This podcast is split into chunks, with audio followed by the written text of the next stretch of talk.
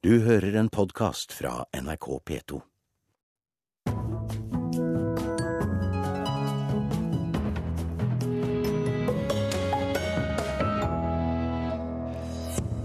Enden er nær for den skandinaviske krimbølgen, tror britisk forlegger. Interessen er større enn aldri før, svarer norsk bokbransje.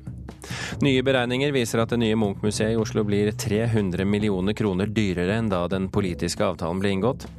Og det tok over 60 år som bildhugger, men i dag får Åse Texmoen Rygg sin første separatutstilling i regi av Nasjonalmuseet. Du skal også få en eh, sjelden tydelig musikkanbefaling i dag. Og i Fredagspanelet snakker vi om rasisme i kunsten, overpriset bildekunst, bilder med mobil under Oscars, for å nevne noen ting. Du hører på Kulturnytt med Birger Kålsrud Jåsund i studio. For mye skandinavisk krim blir oversatt til engelsk. Det sier den britiske forleggeren som oppdaget Stig Larsson til NRK. Han mener det engelskspråklige markedet blir oversvømt av middelmådig norsk krim som flyter på bølgen av bestselgere som Jo Nesbø og Tom Egeland. Det bekymrer ikke engelskdebutanten Hans Olav Lahlum. Selv om jeg ikke ville valgt den løsningen. Da for det ble siste år. Det var da overraskende nok Hans Olav som fikk det. Hans Olav Lahlum og flere forfatterkolleger møtte et krimfrelst publikum i går kveld. Skal vi dømme ut fra oppslutningen på Krimfestivalen i Oslo, er sjangeren fortsatt populær blant norske lesere. Til sommeren lanseres tre av Lahlums krimbøker i Storbritannia. Om konkurransen med andre norske forfattere der blir hard, bekymrer ham lite. Jeg må rett og slett bare skrive best mulig bøker, og så håpe det beste når det gjelder utlandet. Skal vi tro den britiske Stig Larsson-forleggeren Christopher Maclehose, er det grunn til bekymring. Den ti år lange suksessen til norsk og skandinavisk krim i utlandet er på hell pga. altfor mange utgivelser, sier Maclehose. Because of the very great number of crime novels that have been published, it's almost inevitable that the, the quality has diminished. Mengden norske krimbøker som nå blir oversatt, går utover kvaliteten på både teksten og historien, mener Christopher Maclehose. Lahlums forlegger i Cappelen Dam, Anne Fløtaker, tror leserne der ute vil ha norsk krim. Jeg syns jo ikke det kan bli for mange bøker. Jeg tror Jo flere bøker, jo bedre. Det er klart at uh, alle er ikke like gode, sånn vil det jo alltid være. Men det er, det er jo den store bredden som skaper toppene. Så jeg tror ikke det blir for mye. Norla er statens informasjonskontor for norsk litteratur i utlandet. De siste tre årene er antallet krimbøker som har fått oversetterstøtte til engelsk og andre språk derfra, mer enn doblet.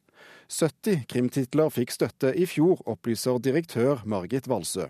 Vår tildeling av støtte er jo basert på etterspørsel utafra. Så det er altså når et forlag eh, i et annet land har valgt ei bok og kjøpt rettigheten og inngått avtale, at de kan søke støtte. Bøkene som har fått støtte fra Norla er gjenstand for kvalitetskontroll i et faglig råd.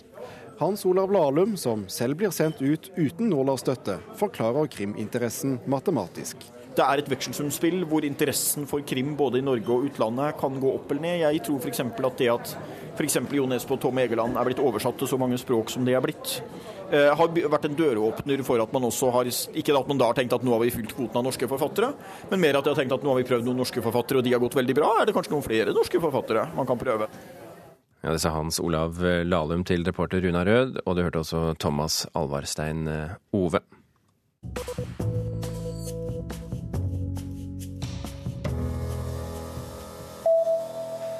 Det nye Munch-museet i Oslo kommer til å koste over to milliarder kroner. Dermed har prisen gått opp med over 300 millioner kroner siden byggingen ble vedtatt i fjor. Nå ber Oslo kommune kulturministeren om å bla opp. Vi har søkt om eh, støtte på om lag 600 millioner, som vil være om lag en tredjedel av den totale kostnaden med å bygge det nye Munch-museet i Oslo. Sier kulturbyrådet i Oslo, Venstres Halstein Bjerke. Han søker nå kulturministeren om 680 millioner kroner. Det nye museet skal nå koste 2 milliarder og 50 millioner kroner. Det er mer enn 300 millioner mer enn politikerne fikk vite da de vedtok byggingen i bystyret i fjor sommer.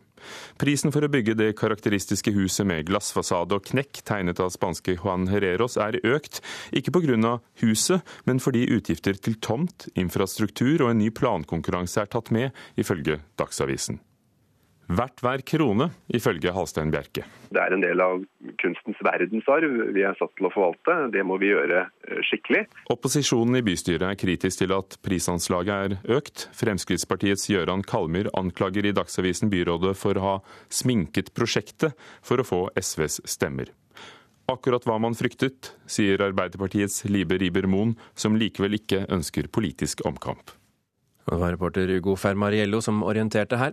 Og nå fra en stor kunstner til en annen, fra Munch til Bach.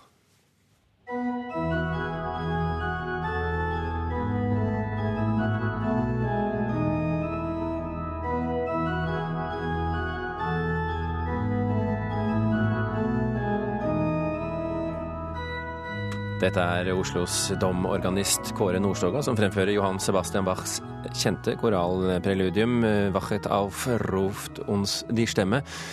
Noe som mine dårlige kun tyskkunnskaper eh, betyr 'våkne opp, stemmen kaller'. Fra et nytt album som inneholder koralpreludier fra Bachs sin tid i Leipzig. Dette er den tredje rekken av Bach-innspillinger på platemerkedet Lavo, og anmelder Øystein Sandvik. Enkelt spørsmål, hva syns du? Dette er helt topp. Det var de to første utgivelsene også. Topp hele veien. Det er fantastisk uh, musikk. Noe av det ypperste som finnes av uh, orgelmusikk. Det er en flott produksjon igjen fra det norske platemerket Lavvo. Uh, og Norstoga spiller på et vakkert historisk orgel som befinner seg i Martinkirken i Groningen, Nederland. Og det er fremragende spilt av vår domorganist. Disse Leipzig- og, og Schybler-korallene, hva er det for noe egentlig? Det er jo Bachs livslange arbeid med den lutherske salmen, eller den lutherske korallen. Det var jo en improvisert kunst på Bachs tid som han på en måte brakte til perfeksjon og skrev ned på, på noter. Dette å improvisere svære preludier hvor du da baker inn disse salmemelodiene på forskjellige måter. Det var mange forskjellige teknikker du kunne bruke. Du kunne ha den i lange toner i pedal, f.eks. i dype toner, eller du kan legge den høyere opp i registeret. Men i hvert fall så, i de fleste tilfellene så hører du da denne korallmelodien skinger ut uh, inni denne komplekse veven av stemmer. Selvfølgelig ekstra fascinerende når du da kjenner dette godt, som menigheten i Leipzig sannsynligvis gjorde. Altså de, de kjente jo disse melodiene by heart, så å si. Og disse Leipzig-korallene er antagelig ting som Bach skrev allerede i tiden i Weimar, men han skrev det da ned i sin periode i Leipzig.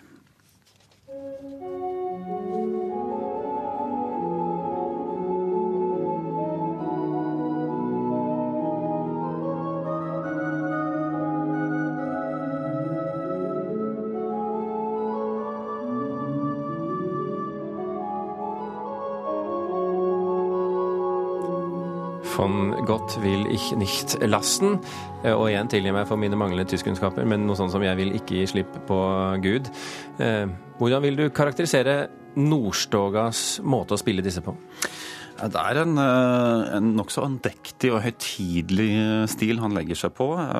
Det er rolige og relativt moderate tempi hele byen. Diskré bruk av ornamenter og ganske sånn fulltonende måte å spille på. Som står litt i motsetning til kanskje den mer sånn historisk barokkorienterte spillestilen. Som vil kanskje være litt mer rytmisk, litt mer spretten. Uh, og, litt mer ornamenter, uh, kanskje. Så det, det, blir litt smak og behag, men innenfor den stilrammen han har valgt, så, så er det noe veldig flott over spillet til Nordstoga. Han lar virkelig frasene få, frasene få vekt og ro og en slags meditativ stemning som fungerer ypperlig da, i dette repertoaret. Du, du nevnte dette Schnitger-orgelet i Gråningen. Hva har det å si for innspillingen? Arp Schnitger er jo den største orgelbyggeren, i hvert fall en av kanskje de to største i dette tysktalende området på Bachs tid. Og det er jo et poeng i denne serien til Kåre Nordstoga at han reiser rundt og spiller på forskjellige orgler rundt om i Europa. Og denne gangen er det altså et Arp Schnitger-orgel i Groningen, Nederland. Det låter veldig flott og vakkert av dette orgelet. En myk klang som kler denne musikken helt ypperlig. Ja, Du virker litt sånn småforelsket her, Sandvik. Ja, altså Det er sjelden jeg noen gang kan så uforbeholdent anbefale en plate. Altså, det er jo musikk som er veldig umiddelbar. Altså, den er iørefallende med en gang. Samtidig så kan du bruke et helt liv på å studere dette. Det er så mange lag og så komplekst at det er uendelige muligheter. Og det er vakkert spilt. Så ankepunktet blir jo da eventuelt hvis man, hvis man foretrekker på en måte litt mer den der spretne rytmiske stilen som kanskje får frem det er jo, Noe av dette er jo også dansemusikk. ikke sant? Altså, det er sarabander, det er barokke danseformer. Og litt det dansante preget forsvinner litt hos, uh, hos uh, Det blir litt mer kinn mot kinn her, altså? Ja, men altså, hvis, man ikke skulle, hvis man ikke skal kunne spille litt tydelig i Bachs koralpreludier, hvor skal man da kunne gjøre det? Altså, det er noe med at her blir det høytidsstemning. Takk skal du ha, Øystein Sandvik. Vi skal ha et lite koralpreludium til slutt, vi altså.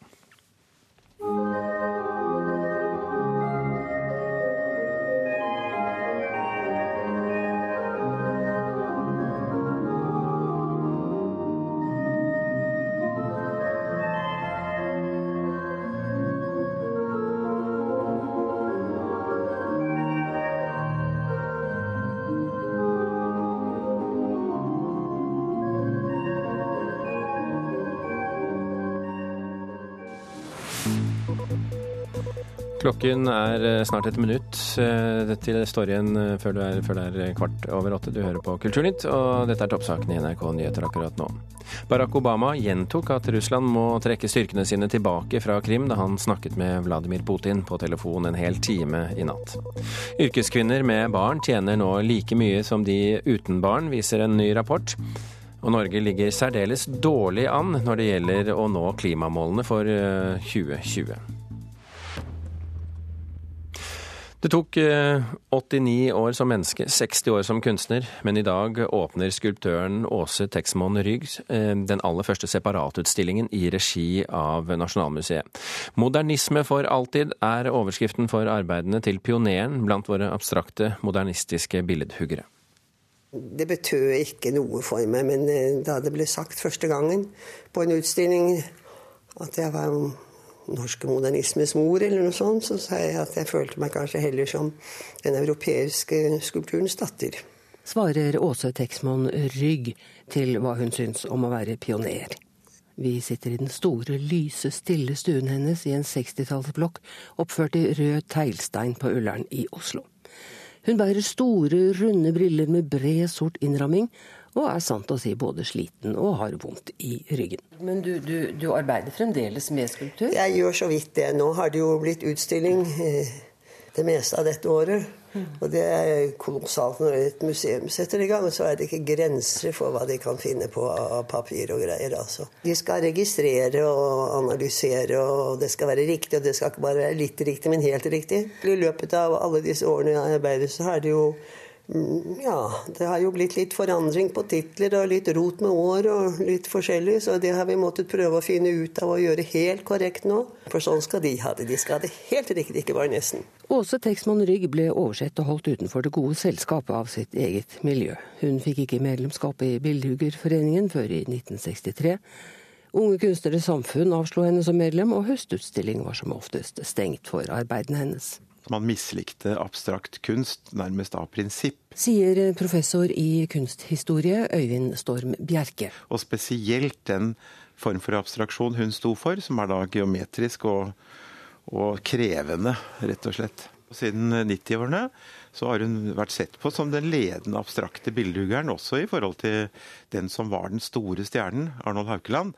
Så hun har hatt et stort navn nå i, i 25 år, kan du si. Du kan si at eh, et lite fellesskap. Så hadde jeg hatt mye på hjertet og kunnet yte mye. Men eh, i grunnen så er mitt liv litt annerledes. Jeg arbeider isolert og ja, innadvendt.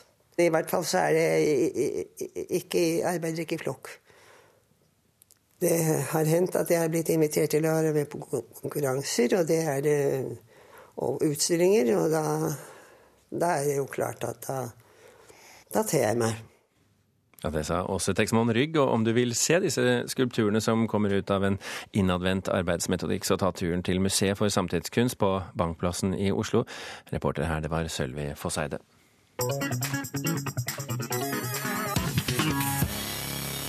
Fredagspanelet er på plass, i dag bestående av kritiker og kommentator i Dagbladet Inger Merete Hobbelstad, teaterregissør Kjersti Horn og forfatter, forfatter Vetle Lid Larsen. Velkommen alle i hopa. Takk. Takk. Alt vel?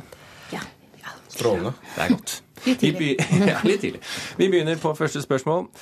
Kunstnerne som vil gjenskape Kongolandsbyen fra jubileumsutstillingen i Frognerparken 1914, har fått 800 000 kroner for å gjennomføre prosjektet. Men de lover nå å gjøre det uten levende modeller fra Senegal, som de opprinnelig ville. Antirasistisk Senter er fremdeles skeptisk til ideen, og vi spør er dette et rasistisk prosjekt? Nei. Nei. Nei. Men hvorfor reagerer da altså Antirasistisk Senter fremdeles?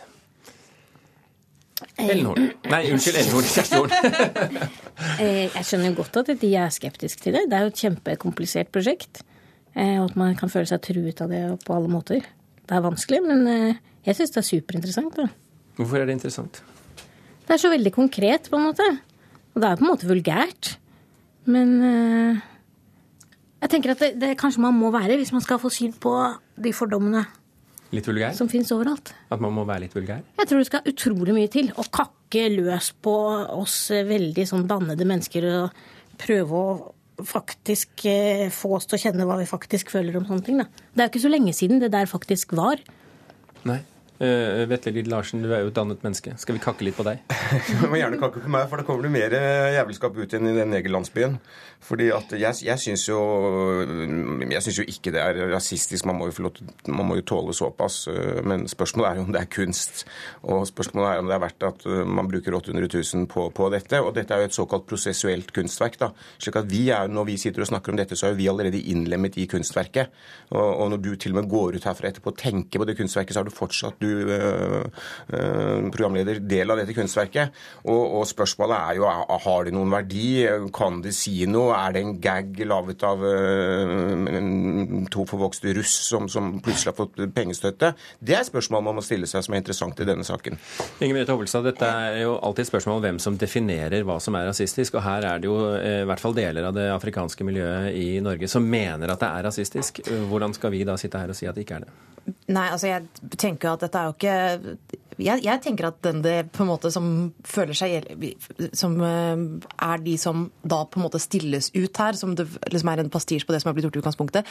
Det er ikke sikkert altså det er de som har definisjonsmakten. Og jeg tenker at Det er jo noe alle kan ha en oppfatning om, om det er rasistisk eller ikke. Alle har rett til å ha en oppfatning om det.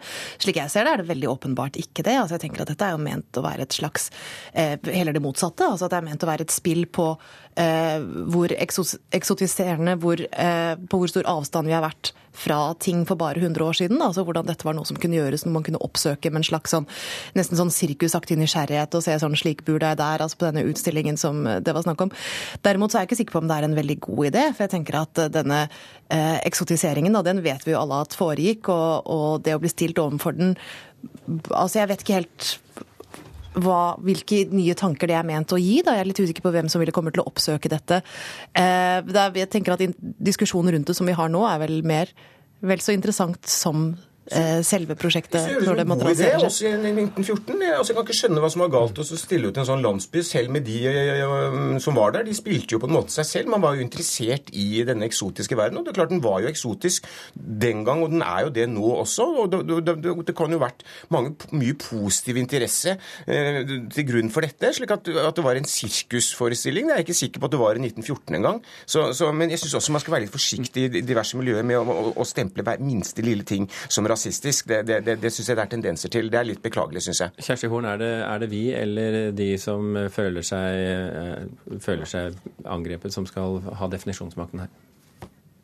Det er selvfølgelig de som føler seg angrepet på eller definisjonsmakten, jeg vet ikke. Men jeg tenker at det er veldig komplisert å gjennomføre det der på en god måte. Men jeg tror ikke intensjonen er rasistisk. Og jeg tenker at de har ikke lykkes med å på en måte eh, få de menneskene som føler seg angrepet, til å forstå at kanskje de egentlig jobber for samme prosjekt. Det kanskje også er hensikten, for det at vi prater om det nå, er jo en del av kunsten. Kommunikasjonsspørsmål eh, koker det kanskje ned til, med andre ord. Vi hopper til neste spørsmål. Eh, kunstnerne som vil Nei, unnskyld. Denne uken snakket vi med en kunstsamler her i Kulturnytt som mente at kunsten som selges på nettstedet Finn er overpriset, og at kunsten uten kunstneriske kvaliteter selges til uvitende kunder. Ja, altså, de, jo, de, lurer seg jo selv. De kjøper noe som de ikke har greie på. Det er bare, stort sett bare skrap. Spørsmålet vårt er blir folk lurt? Nei. Nei. Ja. Nå syns du det ble mye nei her. altså, det er klart de blir lurt. Ikke sant? Alle blir lurt hele tiden. Når du betaler 14 500 for en, en halv elg i solnedgang, så er det klart de blir lurt. Men det er klart at når du betaler 800 000 statlige kroner for en reenactment av en negerlandsby, så blir du også lurt. Så spørsmålet er bare på hvilket nivå man vil bli lurt. slik at Hvorfor skal det være noe verre at vi blir lurt i Frognerparken enn at de blir lurt som går på Finn?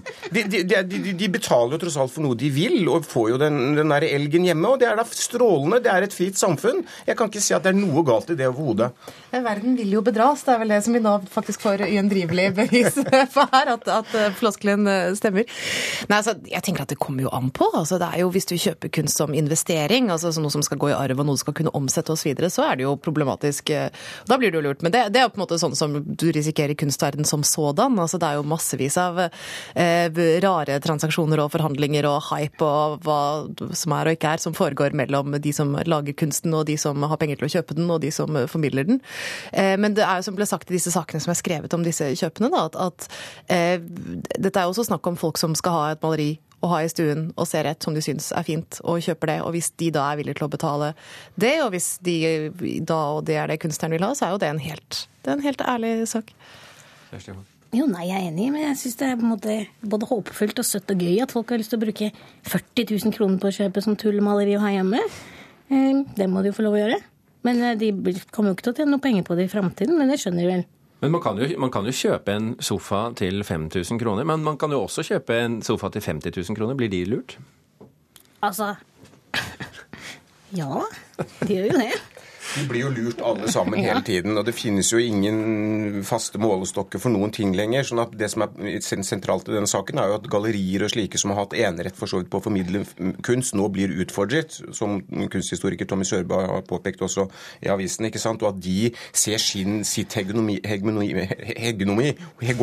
hegemoni, sitt, sitt onani utfordret av dette. Og det er klart at det er jo alvorlig. og, og, og, og det har de på en måte også også øh, godt av, tror jeg. For å si det altså, sånn. Ja, det har alltid vært mye rart i disse prosessene. Jeg leser Donna Tarts siste roman nå, og der gjør, slår jo hovedpersonen seg opp som antikvitetshandler. Rett og, slett, rett og, slett, fordi han skjønner at han må ikke snakke til kunden, han må snakke til den kunden ønsker å være.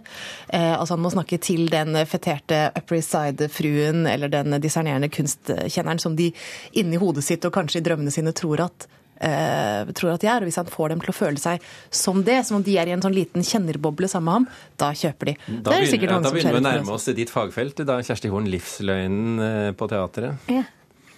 ja. Det er mulig. Det er mulig. Verden vil bedras. Ja, ja, ja. Alt er jo lureri. Ja, alt er lureri. Ok, vi, eh, vi, rekker et siste spørsmål, vi. Eh, og det skal få litt lyd på det også. Yeah, you should get in here too, Julia. You, no, lean, lean in. Channing, if you can get in also. Channing. Bradley, will you come in? No, I want you in it. Jennifer, come in also. I'll take it. Brad, get in here. I'll take it. No, I'm doing it. Dette var et av de morsomme høydepunktene under Oscar-utdelingen, der eh, programleder Ellen DeGeneres tok et eh, såkalt selfie av seg selv, et eh, bilde, og fikk med seg masse stjerner i bakgrunnen. Festlig sprell eller kalkulert og betalt markedsføring og produktplassering er det vi spør om. Hva tror du? Sprell eller produktplassering? Er sprell. Vetle? Nei, altså det er klart, helt klart produktplassering. Sprell. Og produktplassering, ja. men med sprell. Ok, Det er sprull. Da, da, fikk vi, da fikk vi alle Da begynner vi med deg, Inger Merete, som må håndtere begge, begge, sidene. Ja. Nei, altså, Samsung er jo sikkert, som har laget telefonen, er jo sikkert superhappy med dette her. De kunne jo ikke fått det bedre, og det kan godt hende dette er noe som det har vært hvisket litt om eh, på forhånd. Eh, men det er så åpenbart at det på en måte ikke er bare det. Det er jo også eh, en måte, altså hele selfie-fenomenet, å ta det inn i en ny setting, det er en måte å involvere alle som sitter og ser på Oscar-utdelingen på, ved at dette ble retweetet så mye at det vel knakk ryggen på Twitter der noen, i noen stakte sekunder natt til mandag. Eh, og så er det ganske søtt. Altså, det er jo eh, Altså Det å sitte og se på det, det var jo å se på liksom enhver selfie tatt noen gang, som så utrolig mye mer åpenbart handler om menneskene som sitter der og øyeblikket, enn noen som ser det etterpå. Altså ikke sant, Ja, vi tar et bilde av oss selv og legger det ut som om det er en stor ting. Og så fanges jo ikke det alltid helt i prosessen, men det gjorde det her. Jeg tenker at alt på den Oscar-utdelingen er vel på en måte produktplassering og reklame og penger og alt mulig. Men når jeg så på det, altså se på Oscar-utdelingen, så er det kjempekjedelig. Alt er glossy, alt handler om fasade. Men akkurat når de tok det bildet der, så tenkte jeg at man så de litt som mennesker. da. Det kom fram sånn sånn, jeg vil være forrest. Sånne ting som det. Så det var gøy, syns jeg. Ja, Det er veldig bra at det eneste ekte øyeblikket på Oscar-delingen var falsk, ikke sant? Det, det, det, det, det sier litt. Poenget var at man blir jo skeptisk, for det er så mye produktplassering overalt. Så de tårene på 12 Years slev, Slave de er jo um, um, sponset av en sånn øyedråpeprodusent, ikke sant? Så at uh, hovedtittelen på dette programmet må jo være at verden vil bedras. Og hvem vet om vi egentlig er der i det hele tatt? Men det kommer jo en liten twist inn her, for det dette, dette ble jo tatt med et Sams- Samsung-kamera, men så ble det sendt ut fra iPhonen til Ellen DeGeneres etterpå. Eller var det også bedrag? Og nå blir det veldig sånn teknokomplisert eh, her. Dette er høk over høk. Altså. Dette er avansert tenkning på morgenkvisten i Kulturnytt. Ja, er det Men, noe men det nytt? hvert har slått fast, er at den som faktisk eier det bildet, er ikke Ellen DeGeneres, det er Bradley Cooper. For det var han som tok bildet, og det er faktisk den som tar bildet, og ikke den som eier telefonen, som har eh, eiendomsretten eh, til det. Så det er han som kan saksøke borti staur og vegger hvis det brukes Kan han tjene penger på dette? Nei, men han kommer i neste Kulturnytt.